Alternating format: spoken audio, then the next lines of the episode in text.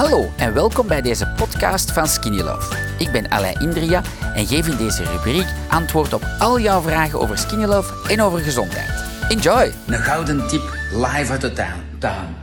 Koolrabies. Heb je dat al gegeten? Super lekker rauw.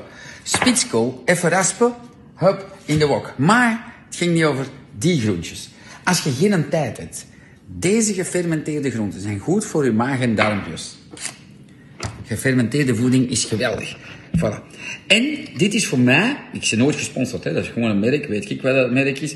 Uh, maar daar zit niks in. Ik lees natuurlijk altijd de ingrediënten en er zit geen rommel in. Witte kool, wortelen, groene paprika, natuurlijk zeezout, chili en geraste kalk. Dat zit, met een deze.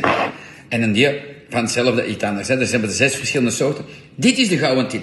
Leg dat in uw frigo, dat blijft keilang goed. Je kunt dat open doen, je kunt dat s'avonds onder uw pasta roeren. Dat je niet enkel pasta met pesto eet, maar je eet daar gefermenteerde groentjes bij. Geweldig voor uw immuunsysteem, voor heel uw lichaam. Ik leer jullie terug een gezond lijf hebben.